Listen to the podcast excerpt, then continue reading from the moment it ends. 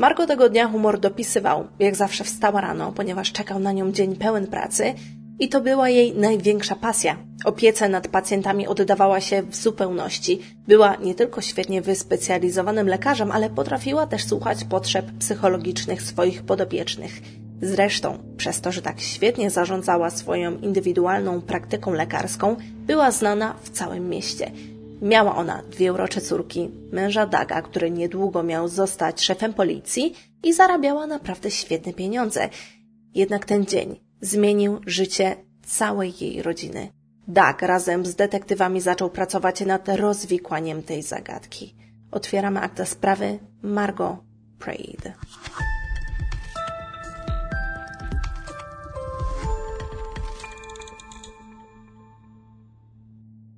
Ta historia, wiem, że ostatnio to mówiłam, jest inna niż wszystkie. Nie mogę powiedzieć dlaczego, bo jeżeli Wam powiem, to od razu będzie wszystko wiadomo w tej historii. I w ogóle jest to świetny scenariusz na film, bo mamy tutaj osoby pełne pasji, które są naprawdę Bogu ducha winne tego, co się wydarzyło, które pracowały całe swoje życie na to, żeby coś osiągnąć i obdarzały opieką i troską osoby nie tylko te najbliższe. No i mamy interesujący zwrot akcji, którego pragną widzowie, którego zresztą pragnę też ja. Dlatego posłuchajcie do końca, żeby dowiedzieć się, co kryje w sobie ta historia. Margot Pratt urodziła się 17 września 1956 roku w Akron, Ohio. Była najmłodszą z siedmiorga dzieci i już od malucha wykazywała się wyjątkową dokładnością, inteligencją, szybko stała się odpowiedzialna za swoje działania i poza tym nie była takim typowym szkolnym geekiem, tylko miała też znajomych i była towarzyska. Zresztą, może właśnie dlatego miała znajomych, ponieważ ci doceniali jej upór i fakt, że wiedziała, czego chciała. Dodatkowo w podstawówce przeskoczyła jedną klasę, ponieważ tak długo pracowała nad swoim rozwojem. W liceum była postrzegana jako dziewczyna z klasą. Zawsze była elegancko ubrana, jej włosy zawsze były ładnie ułożone, wdzięcznie chodziła i ogólnie była sympatyczna względem innych. I nawet wtedy, kiedy wszystkie koleżanki już dawno myślały o związkach z chłopakami, to ona nie za bardzo zawracała sobie tym głowę. Owszem, chodziła na spotkania z chłopakami, jednak to na pewno nie było jej głównym celem życia. Trzeba pamiętać o tym, że jeszcze wtedy liczyło się to, żeby szybko wyjść za mąż. Jednak nauka dla niej była najważniejsza, ponieważ wiedziała, że żeby osiągnąć sukces musi pracować stale i nie może sobie pozwolić na to, żeby zawracać sobie głowę miłostkami. Dzisiaj z radością przedstawiam Wam sponsora, który chyba też lubi historie kryminalne, ponieważ wspiera już kolejny odcinek na naszym kanale. Sklep Santulan to miejsce, w którym znajdziecie produkty naturalne, wysokiej jakości, wspierające moje i Wasze zdrowie i samopoczucie. Pamiętacie, jak ostatnio mówiłam o wyciągu z grzybów shiitake? No, właśnie, to okazało się, że takie właśnie grzyby mam w warzywniaku obok mojego mieszkania i po ostatnim zasponsorowanym odcinku pomyślałam, a kupię sobie takie shiitake i okazało się, że są super. Wiem, że nie jest to kącik złamanych serc, ale od dłuższego czasu mam IBS i okazało się, że świetnie je toleruję, więc nowy produkt do mojego jadłospisu i wsparcie odporności organizmu. Ale jeżeli Wy nie macie dostępu do tych grzybów, albo jeżeli nie lubicie ich jeść, albo nie możecie, to suplementy z ich wyciągu mają tak samo dobroczynny wpływ na naszą odporność, poza tym są trochę tańsze. Przyda się to szczególnie na wiosnę, dlatego wszystkim Wam serdecznie polecam. Link do sklepu znajduje się pod filmem, jak zawsze tam. Jednak nawet to, że starała się trzymać swoich celów, nie sprawiło, że oparła się urokowi chłopaka na tym przyjęciu charytatywnym. On zresztą był inny niż wszyscy chłopcy z jej szkoły, ponieważ był dojrzały, męski, odpowiedzialny. Bardzo jej się to spodobało i ona też się spodobała jemu. Jemu spodobało się to, że kobieta miała cele i pasje w życiu, tak samo jak on, które według niej mogły doprowadzić do stworzenia stabilnej i silnej rodziny. Ten chłopak to Doug. Miał 27 lat, kiedy Margo była jeszcze w ostatniej klasie liceum.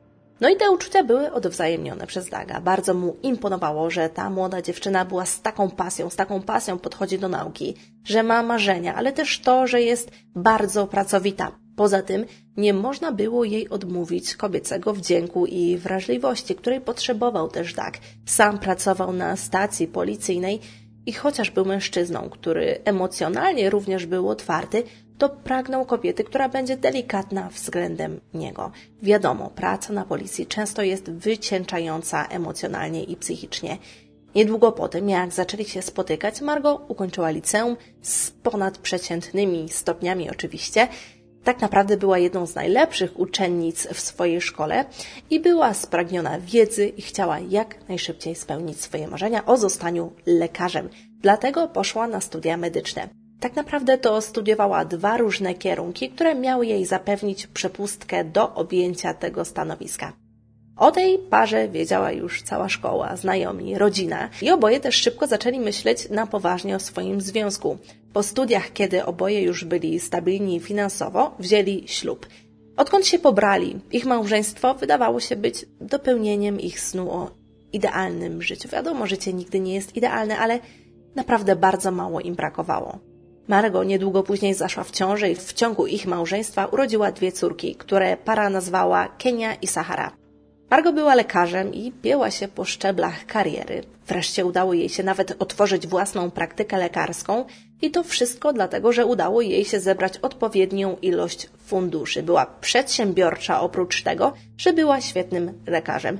I nie chodzi o to, że mówię tutaj o tym, że była takim świetnym lekarzem na potrzeby opisania tej historii w najlepszym możliwym świetle, ale naprawdę w tym mieście była bardzo szanowana i ustawiały się do niej zawsze długie kolejki. Była szanowaną osobą i szanowanym specjalistą. A Douglas tak samo świetnie sobie radził. Ze zwyczajnego policjanta osiągał coraz wyższe stanowiska, aż wreszcie był już na ostatnim stanowisku tuż przed szefem policji. Jeżeli chodzi o ich finanse, niczego im nie brakowało. Mieli własny dom, auta, dzieci w dobrych szkołach, a poza tym byli bardzo szanowanymi ludźmi, jak już wcześniej wspomniałam, użyłam parę razy tego słowa, wśród lokalnej społeczności. Jeżeli lubisz podwójnie wykorzystywać swój czas, to zasubskrybuj ten kanał. Dzięki temu możesz poznawać nowe interesujące historie kryminalne i w tym samym czasie robić to, co musisz lub to, co robisz. A jeżeli już znasz historie kryminalne, to rozważ wsparcie mnie na platformie Patronite. Dzięki temu ten kanał ma szansę się rozwijać. Link znajduje się jak zawsze pod filmem. Wysyłam buziaki dla moich patronów. Jesteście siłą tego kanału.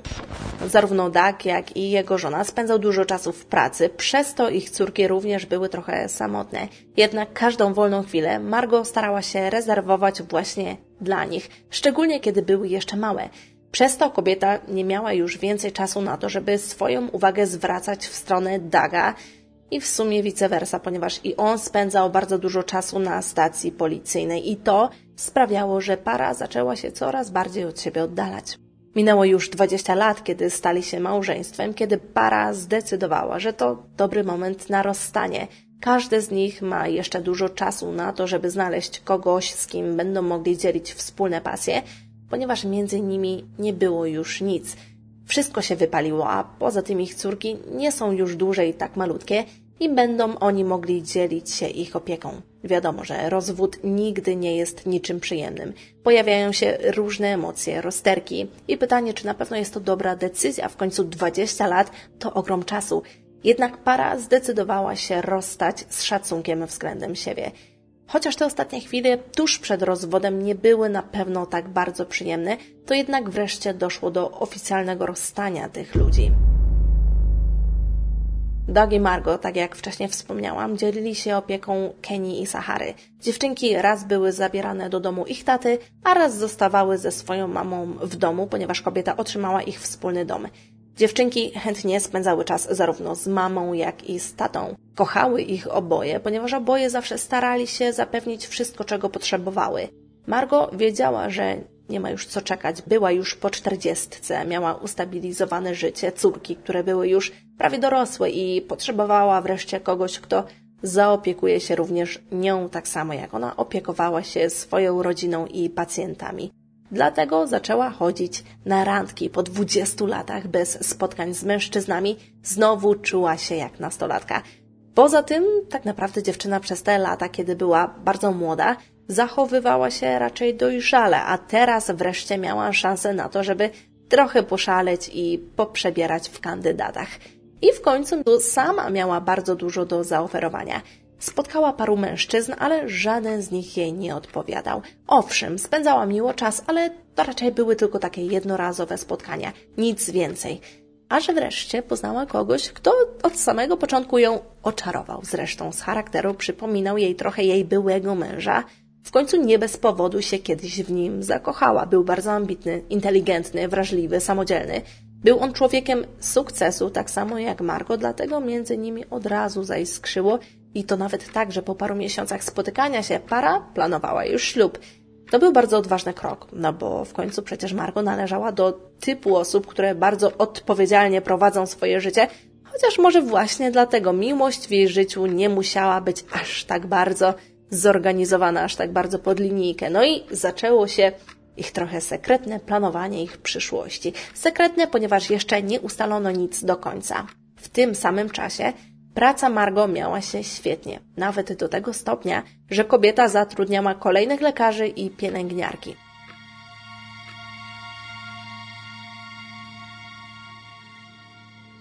Wreszcie 26 grudnia 1997 roku, dzień przed świętem dziękczynienia, kobieta z samego ranka wybrała się do pracy. Około 10.25 rano dr Larry Collins wyszła z budynku, żeby zapalić papierosa w przerwie i stanęła z tyłu, oparła się o ścianę i tak sobie spokojnie obserwowała otoczenie. Odpłynęła na chwilę, póki co, póki mogła, bo przed nią był jeszcze długi, pracowity dzień i zobaczyła na parkingu auto jej szefowej. Od razu pomyślała, że kobieta musi być jeszcze w środku pojazdu, bo nie widziała jej do tej pory w budynku i poszła się przywitać. Przed dziewiątą Margo zadzwoniła, że jest już prawie w pracy, a było już po dziesiątej, więc było to trochę dziwne, że podjechała autem i nie przyszła do biura. Dlatego Lary podeszła bliżej, tylko nie było za bardzo nikogo widać w środku, ale coś ją podkusiło, coś, coś dziwnie wyglądało to wnętrze pojazdu. Zajrzała do środka i zobaczyła, że Margo obsunęła się z fotela i cała jest poplamiona czerwoną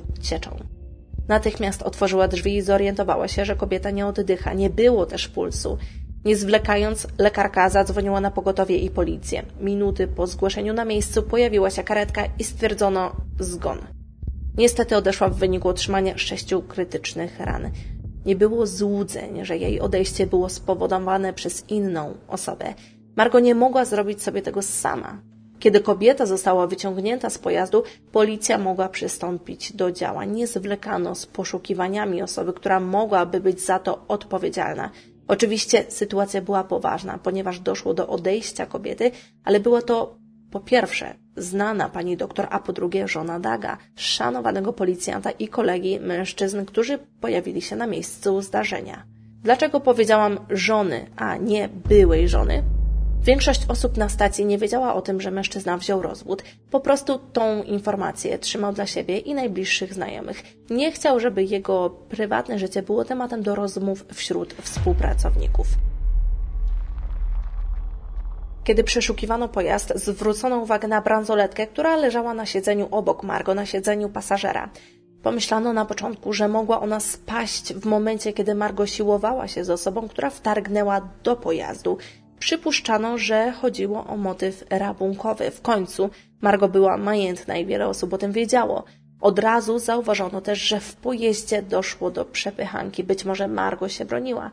No ale chwilę później wiadomo już było, że jeżeli motyw miałby być rabunkowy, to raczej obrabowano by rzeczywiście ten pojazd, a w środku znaleziono nie tylko bransoletkę, ale znaleziono też jej torebkę w nienaruszonym stanie wraz z portfelem i pieniędzmi. Wszystko leżało na tylnym siedzeniu. To od razu zaalarmowało śledczych, którzy wiedzieli, że ta sprawa nie będzie aż tak oczywista.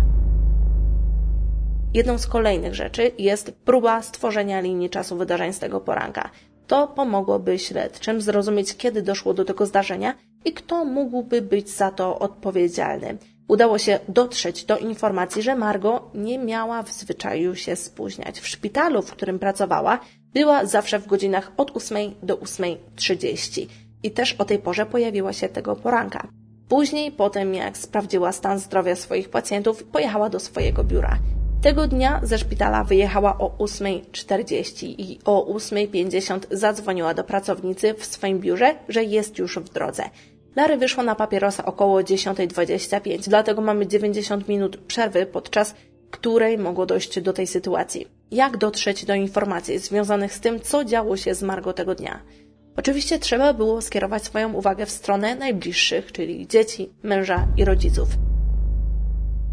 Pierwszą osobą, z którą się skontaktowało, był oczywiście Doug. Zaraz po znalezieniu kobiety jedna z policjantek zadzwoniła do niego, żeby go poinformować o tym niefortunnym zajściu. Zanim jeszcze pojawią się informacje w gazetach i zanim ktoś zadzwoni do niego, żeby zaprosić go na przesłuchanie. Doug był oczywiście wstrząśnięty całym wydarzeniem. Natychmiast pojawił się na miejscu, gdzie można było zobaczyć roztargnienie tego policjanta. Mężczyzna głośno płakał, Osunął się na kolana, później łukał, widać było po nim prawdziwe wstrząśnienie. Policjanci, znajomi dali mu czas, żeby mógł w spokoju przejść przez te emocje. Chociaż niejednokrotnie był świadkiem podobnych zdarzeń, to teraz była to jedna z najbliższych mu osób. Kiedy szok ustąpił temu, że tak zrozumiał, że nie jest to zły sen, powiedział, że jeżeli detektywi potrzebują czegokolwiek, jeżeli chcą go przesłuchać, jeżeli chcą, żeby ten przejął tą sprawę, to on to zrobi. Teraz zamierza zrobić wszystko, żeby rozwiązać tą sprawę, żeby znaleźć tą osobę, która doprowadziła do tego makabrycznego zdarzenia. Policjanci poklepali go po plecach, powiedzieli, że jeżeli czuje się na siłach, to rzeczywiście może powinni porozmawiać o tej sprawie. I Doug powiedział, że tak, oczywiście powinni to zrobić. Potem pojawili się na posterunku, doszło wtedy też do ich pierwszej rozmowy. Doug powiedział, że nie wie, kto mógłby mieć powód, żeby zrobić coś takiego. Kobieta nie miała wrogów, w ogóle miała dość przyjazną naturę. Kiedy zapytano go, co robił tego dnia, powiedział, że był na siłowni. Zapytano, czy mógłby to potwierdzić i on powiedział, że Wtedy widział blondynkę, która też właśnie ćwiczyła i najprawdopodobniej będzie w stanie potwierdzić jego obecność w tamtym miejscu. Wtedy też dopiero okazało się, że Doug jest po rozwodzie. Minęło już pół roku, ale on nie chciał o tym mówić wszystkim na komisariacie. W końcu to byłaby prawdziwa bomba i wszyscy by plotkowali na jego temat, a to była ostatnia rzecz, której on potrzebował w swojej pracy. Ich rozstanie miało być pokojowe. On czasami opiekował się jego córkami, czasami po nie przyjeżdżał do domu Margo. Wszystko działo się jak po większości rozwodów. Nie wie za bardzo, co dzieje się Margo, oprócz tego, że poznała tego nowego chłopaka.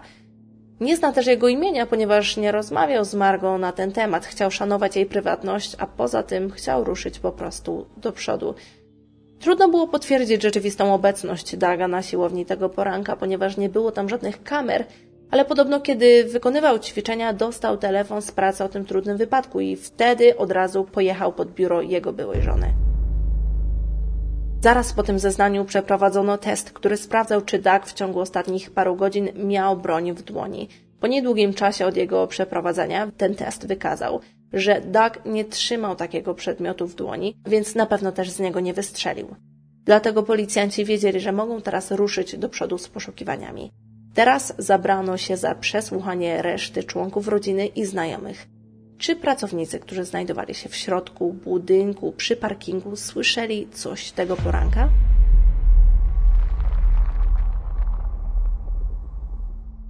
Autopsja została dość szybko przeprowadzona. W jej wyniku udało się ustalić, że Margo miała sześć ran po pociskach. To dało już stuprocentową pewność, że nie chodziło o rabunek. Nikt, komu zależałoby na zabraniu wartościowych przedmiotów, nie zdecydowałby się na sześciokrotne wypalenie w stronę kobiety. Tutaj chodziło o coś na tle emocjonalnym, szczególnie, że na ciele Margo znaleziono coś jeszcze. Na jej ramieniu pod bluzką znaleziono ugryzienie. Tak, kobieta przed tym jak odeszła została pogryziona i to jeszcze w taki dziwny sposób, ponieważ na ciele były ślady tylko jednej części zębów dolnej. Tak jakby ktoś ugryzł ją tylko dolnymi zębami. To dość niespotykane. To nakierowało detektywów na trop, że Margot mogła mieć jakichś wrogów, o których jej mąż nie mógł wiedzieć. W końcu sześć miesięcy to całkiem długi czas i kobieta mogła nawiązać jakieś znajomości lub mogła mieć jakieś konfliktowe sytuacje. Zresztą jej życie ostatnio się zmieniło. O ile można rozstać się w spokojny sposób, to po rozstaniu życie zaczyna się trochę toczyć inaczej, czasami przeciwnie do tego, niż moglibyśmy sobie to wyobrażać. I niektórzy detektywi, pomimo tego, że rozmawiali z Dagiem, mieli poczucie, że może to on miał coś z tym wspólnego. W końcu to partner najczęściej jest odpowiedzialny za odejście tej drugiej osoby. to wcale nie byłoby takie bezsensowne. To nie byłby bezsensowny trop. Co z tego, że to ich znajomy z pracy i policjant? Trzeba sprawdzać każdego. Dlatego detektywi pojawiają się w kompleksie, w którym Doug tamtego ranka był na siłowni i nie szukają długo, ponieważ okazuje się, że tam Doug rzeczywiście był wpisany w rekordzie, że był tego ranka na siłowni. Była tam też kobieta Katie, która została przesłuchana i powiedziała, że tak, pamięta takiego łysego mężczyznę na siłowni. Potem pokazano jej zdjęcie Daga i powiedziała, że to właśnie on, to właśnie on był z nią na siłowni tego ranka.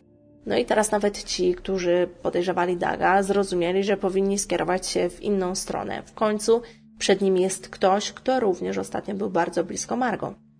Jej nowy partner. Mężczyzna mieszkał ponad dwie godziny od miejsca zdarzenia. Podczas zeznań powiedział, że tamtego ranka był w miejscowości Columbus i miał się tam spotkać ze swoją partnerką. Ale zanim do tego doszło, otrzymał telefon z informacją, że jego dziewczyna już niestety nigdy do Columbus nie trafiła. I nigdy nie trafi. O ich związku mówi, że nie mieli raczej większych problemów, planowali nawet wspólną przyszłość. Zatrzymując się na moment w tej historii, zdałam sobie sprawę, że musi to być bardzo specyficzne, kiedy ma się dwóch najbliższych sobie mężczyzn, z których jeden z nich jest prawnikiem, jeżeli były odpowiedzialny za to, do czego doszło, doskonale wie, jak działają detektywi. I z drugiej strony policjant, były mąż, który sam wie, jak te działania są przeprowadzane. Te podejrzenia z jednej strony mogłyby zostać oddalone, ponieważ oboje z nich powinni stać po dobrej stronie prawa. Jednak to oni byli najbliżsi Margo i dlatego też wokół nich było dużo podejrzeń. Chłopak Margo mówił, że zamierzał spędzić z nią pierwsze święto dziękczynienia. Te zeznania wyglądały na szczere. Oczywiście oprócz tego, że w trakcie zdarzenia z parkingu miała Libi, był poza miastem. Czy w życiu kobiety był jeszcze ktoś inny? Ktoś, kto mógłby być przeciwko niej. Ktoś, kto mógłby być zazdrosny o jej życie i sukcesy. Detektywi zebrali odciski wszystkich najbliższych osób, ale nie odciski palców, a odciski zębów, ponieważ właśnie takie odciski znaleziono na ciele Margo. Te miały zostać zbadane przez dentystę i porównane z tymi znalezionymi na ramieniu kobiety. Tydzień po tym, jak kobieta odeszła, na jej pogrzebie pojawiło się naprawdę bardzo dużo osób. Córki przyjechały razem z tatą Dagiem. Tomas, chłopak Margo, też był na pogrzebie i wtedy pierwszy raz spotkał rodzinę Margo. Wyobrażam sobie, że to spotkanie musiało być dość osobliwe. Potem na policję trafił list. Bardzo dziwny list. Na kartce napisano, że nadawca wie, kto odebrał życie lekarki. Tą osobą miała być najbliższa przyjaciółka Margo. Najbliższa przyjaciółka, kim ona jest? Ten list mówił o tym, że to Denise jest odpowiedzialna za całe to zajście. Czy rzeczywiście ktoś miał więcej informacji niż organy śledcze? Kim była ta owiana złą sławą przyjaciółka? Podobno kobieta miała wynająć osobę, która miała to zadanie wykonać. Zrobiła to z zazdrości. Z zazdrości o jej nowego partnera. I nie skończyło się tylko na tym. Niedługo później różne osoby zaczęły kontaktować się z detektywami, że znaleźli oni kartki, na których pojawiały się te same informacje. Po tym jak Marko odeszła, Denise miała opuścić Akron, żeby uciec od odpowiedzialności. Dlatego zaprosili Denise na rozmowę wraz z jej mężem, który podobno też miał być zaangażowany w te działania.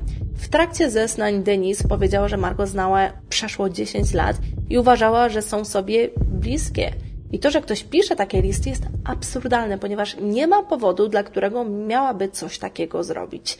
Ta rozmowa bardzo ją zirytowała.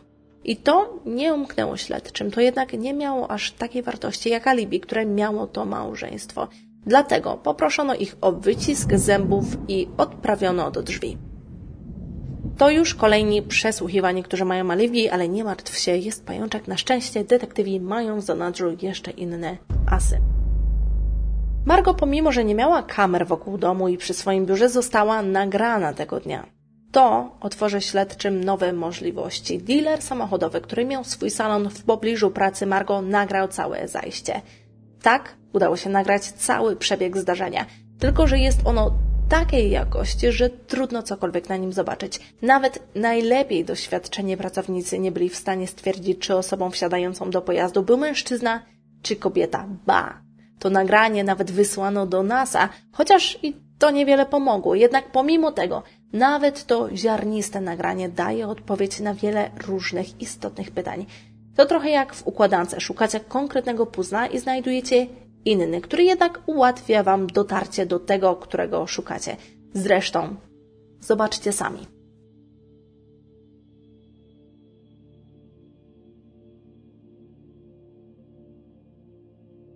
Dzięki nagraniu ustalono, że tuż obok auta Margo pojawia się inny, jasny pojazd, z którego wysiada postać. Wsiada ona do pojazdu Margo, po czym wychodzi około dwie minuty później. Wsiada do swojego auta i odjeżdża.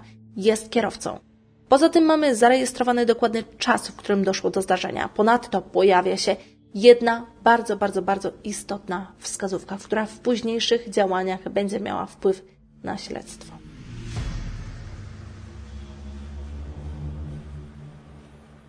Wydarzenie rozpoczęło się o 10.09 i trwało dwie minuty. Ten dealer samochodowy, który przekazał nagranie, powiedział, że on zna Margot i nawet dzwoniła do niego tego samego dnia, w którym doszło do zdarzenia. Dzwoniła, ponieważ chciała kupić drugi pojazd. Po co miałaby to robić?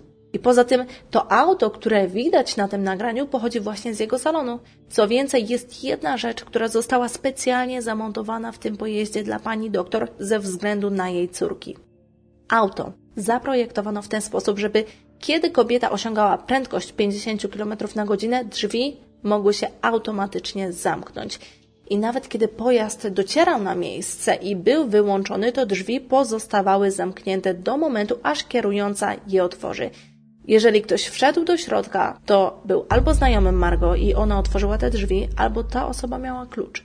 Tak czy inaczej, była to albo osoba jej znajoma, albo osoba, która miała dostęp do jej domu, ponieważ stamtąd musiała wziąć ten zapasowy klucz.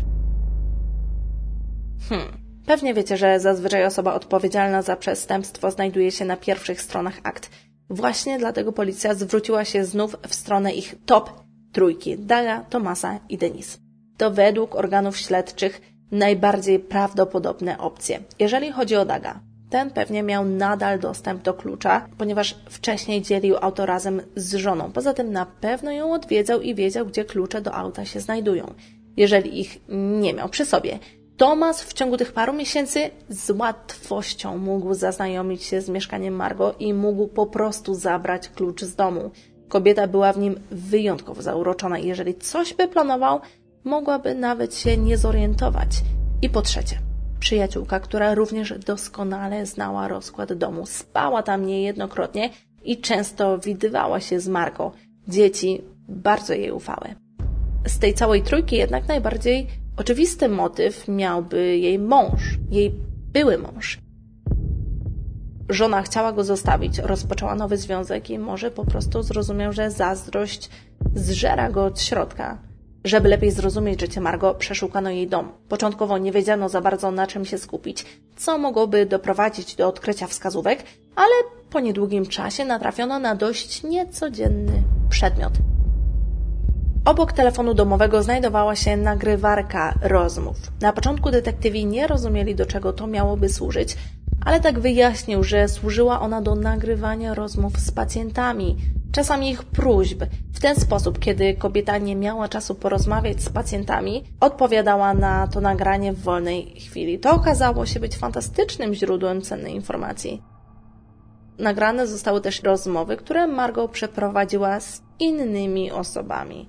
Pośród tych rozmów udało im się wyłapać powtarzające się imię pewnej kobiety, Carla Smith, która miała być dziewczyną jej byłego męża.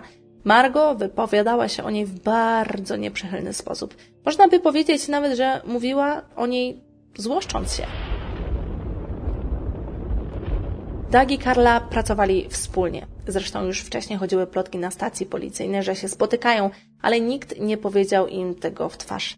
Niektórzy spekulowali nawet, że syn Carly był tak naprawdę synem Daga, pomimo, że miała ona męża. Czy to mogła być prawda? A jeżeli tak, to czy Karla i Doug spotykali się zanim doszło do rozwodu z Margo? Teraz pojawiła się nowa myśl w głowach śledczych, a co jeżeli to Karla z zazdrości dokonała tego działania na parkingu? Być może była zazdrosna o byłą żonę Daga. Być może ten nadal o niej myślał. Zresztą nie przyznawał się znajomym, że ich małżeństwo się rozpadło. Może tak naprawdę nadal coś do niej czuł. Podczas przesłuchań Karla powiedziała, że w dniu, kiedy Margo odeszła, była na stacji policyjnej i to nawet ona poinformowała Daga o tym, że jego żona odeszła. Dlatego sprawdzono jeszcze dokładniej, co robiła w poszczególnych porannych godzinach tego dnia. I zgadnijcie, co? Kiedy szukano informacji na ten temat, nie znaleziono żadnego wpisu, żadnej informacji, która potwierdziłaby, że rzeczywiście była w swojej pracy. Dopiero o godzinie 10.30, kiedy zarejestrowano rozmowę z Dagiem, to było na tyle podejrzane, że zdecydowano się przeszukać jej mieszkanie, w którym znaleziono jeszcze dziwniejsze rzeczy. Bo były to rzeczy Daga, ale nie jakieś tam szczoteczka, ręcznik czy pantofle, tylko dokumenty związane z odprowadzaniem podatku. No dobra, musiano znaleźć najwyraźniej też jego rzeczy osobiste, bo śledczy doszli do wniosku, że mieli oni romans, ale nie było to aż tak istotne, tylko to, że w tych dokumentach znaleziono coś, co szczególnie zwróciło ich uwagę. Upchnięty paragon na dnie pudełka, z tyłu którego widać było odejmowanie sum od 75 tysięcy. Wiecie, dlaczego było to aż tak dziwne i aż tak istotne? Ponieważ polisa na życie Margot to właśnie 75 tysięcy dolarów. Czy Doug planował, co zrobi z pieniędzmi kobiety? Wśród całej tej papierologii odkryto, że mężczyzna ma wyjątkowe problemy finansowe i bardzo dużo długów. Ale jak to możliwe? Przecież zarabiał całkiem nieźle. No niby tak, ale nie aż tak dobrze jak jego żona. Po 20 latach wygodnego życia, kiedy opuścił swoją partnerkę, musiał wrócić do innego stylu życia, co było dla niego najwyraźniej zbyt trudne i wreszcie popadł w długi. Mężczyzna musiał wreszcie sprzedać auto i osobiste przedmioty. Po tym dziwnym odkryciu sprawdzono, czy po odejściu Margot Dog rzeczywiście otrzyma tą kwotę. I owszem, to on był prawnym beneficjentem. Dlatego to zaświeciło czerwone światełko i sprawiło, że Doug znowu pojawił się w pokoju przesłuchań. Nie był zaskoczony. Zapytano go po prostu, co miało oznaczać to 75 tysięcy na paragonie i mężczyzna od razu przyznał, że chodziło o pieniądze z polisy Margo. Te obliczenia były wykonane już po jej śmierci. Mężczyzna chciał wiedzieć, ile funduszy będzie potrzebował na pogrzeb i college dla jego córek. W sumie właśnie po to są pieniądze z polisy, żeby zadbać o te rzeczy, o której nie zadba już osoba ubezpieczona. W tym samym tygodniu z policją skontaktował się dentysta, który miał porównać wyciski ortodontyczne i powiedział, że teraz zawęził grono do trzech łuków zębowych. To miały być zęby. Denis, przyjaciółki, Tomasa i Daga. Carla Smith, dziewczyna Daga, została odrzucona. Jej zęby w ogóle nie pasowały do śladów znajdujących się na ciele. I te trzy osoby, które zostały wytypowane, były przypadkową zbieżnością z tą ustaloną przez policjantów, ponieważ te informacje były tajne. Dlatego to niestety nie uprościło działań śledczych. Musieli czekać na dalsze działania dentysty w tej sprawie. Już wtedy wielu pracowników komisariatu plotkowało na temat tej sprawy. Było grono osób, które uważało, że to Dag jest winny. Byli też tacy, którzy absolutnie w to nie wierzyli. Znali Daga od lat i wiedzieli, że on nie byłby w stanie zrobić czegoś podobnego. Wyobrażam sobie, że w tej sytuacji Doug przechodził przez trudny okres. Na pewno spotkania w pracy nie były przyjemne, kiedy widział krzywe spojrzenia ludzi. Poza tym mężczyzna robił wszystko, co w jego mocy, żeby udostępnić jakiekolwiek informacje. Owszem, nie mógł być osobą, która prowadziła to śledztwo, był zbyt blisko, ale za każdym razem chętnie rozmawiał ze śledczymi, którzy ponownie skierowali się w stronę Katie, kobiety, która była na siłowni w tym samym czasie co Doug w momencie odejścia jego byłej żony. Powiedziała ona, że była w tym miejscu od godziny 9.30 do 10 rano. To oznaczałoby, że teoretycznie, jeżeli Doug miałby być w to zamieszany, to miałby na to czas. Biuro Margo było zaledwie 7 minut drogi autem od tej siłowni. Do sytuacji na parkingu doszło od 10.09. Czy Doug miałby czas na to, żeby opuścić siłownię i dojechać pod pracę Margo? Według policji tak. Policja zdecydowała się jeszcze raz sprawdzić badanie parafinowe, czyli to określające, czy są ślady na dłoniach po wystrzale. Jak zbadano, jak zostało ono wykonane, zwrócono uwagę na pewne nieprawidłowości, które mogły doprowadzić do nieważności tego badania. Teraz Jest już zbyt późno, żeby takie badanie przeprowadzić, dlatego chciano dokładnie zrozumieć relacje Daga z jego byłą żoną. W tym celu rozmawiano z rodziną i ich znajomymi. I to, co powiedzieli oni w tej sprawie, okazało się być czymś zupełnie innym niż zostało przedstawione przez Daga. Rozwód Daga i Margo wcale nie był wspólny. To kobieta chciała się rozstać. Dowiedziała się, że Dag ją zdradził z koleżanką z pracy. I to nieraz. Zdradzał ją od dłuższego czasu. I co więcej, nie tylko z nią, a z paroma różnymi kobietami. Wtedy zdała sobie sprawę, że ten mężczyzna, z którym żyła ponad 20 lat, był jej zupełnie obcy. Wiedziała, że świetnie sobie poradzi sama i nie chciała już dłużej tracić swojego czasu. Doug za to nie za bardzo chciał się rozstawać. Chciał żyć z Margo i być też w związku ze swoją dziewczyną. Najwyraźniej było mu bardzo wygodnie w tym małżeństwie i wiedział, że chciałby, żeby żona utrzymywała jego styl życia, a on w tym czasie będzie mógł spełniać swoje romantyczne pragnienia. Margo wysłała mu dokumenty rozwodowe, jednak on w ogóle nie odpowiadał na te wiadomości i ponaglenia z sądu. Przez brak wstawiennictwa orzeczono rozwód tej dwójki. Margo dostała dom, ale Doug nadal miał klucz do drzwi.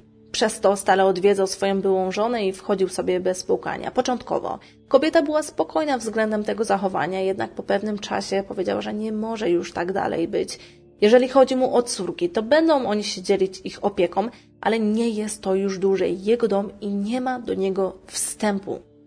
W tym samym czasie zasięgała pomocy prawnika, który miał jej pomóc w kwestii tego, żeby jej mąż nie wchodził do jej domu i w kwestii zmiany pojazdu, ponieważ Doug również jeździł jej autem. Kiedy Kenia i Sahara trafiały do domu taty, przepytywał on je dokładnie o nowego chłopaka Margo. Zawsze bardzo się denerwował, kiedy ten temat się pojawiał. I kiedy pierwszy raz o tym usłyszał, że jego była żona ma kogoś, pojechał do jej domu, wszedł bez pozwolenia i zaczął na nią krzyczeć. To był wyraźnie dowód jego zazdrości, ale Margo myślała, że to minie. To nic dziwnego, że tak jest zazdrosny. Jemu nie poszczęściło się aż tak bardzo jak jej. Ale w końcu uznała, że musi coś zrobić. Skontaktowała się ze swoim prawnikiem, który umożliwił jej bezpieczeństwo i zapewnił, że mężczyzna dostanie zakaz zbliżania się. Wszystkie te zeznania sprawiły, że teraz Doug stał się głównym podejrzanym. On oczywiście o tym nie wiedział, ponieważ detektywi nie chcieli, żeby inni pracownicy wiedzieli, co dzieje się w aktach. W ten sposób mężczyzna mógłby mieć dostęp do tego, co dzieje się w tej sprawie, a to mogłoby mieć katastrofalne skutki.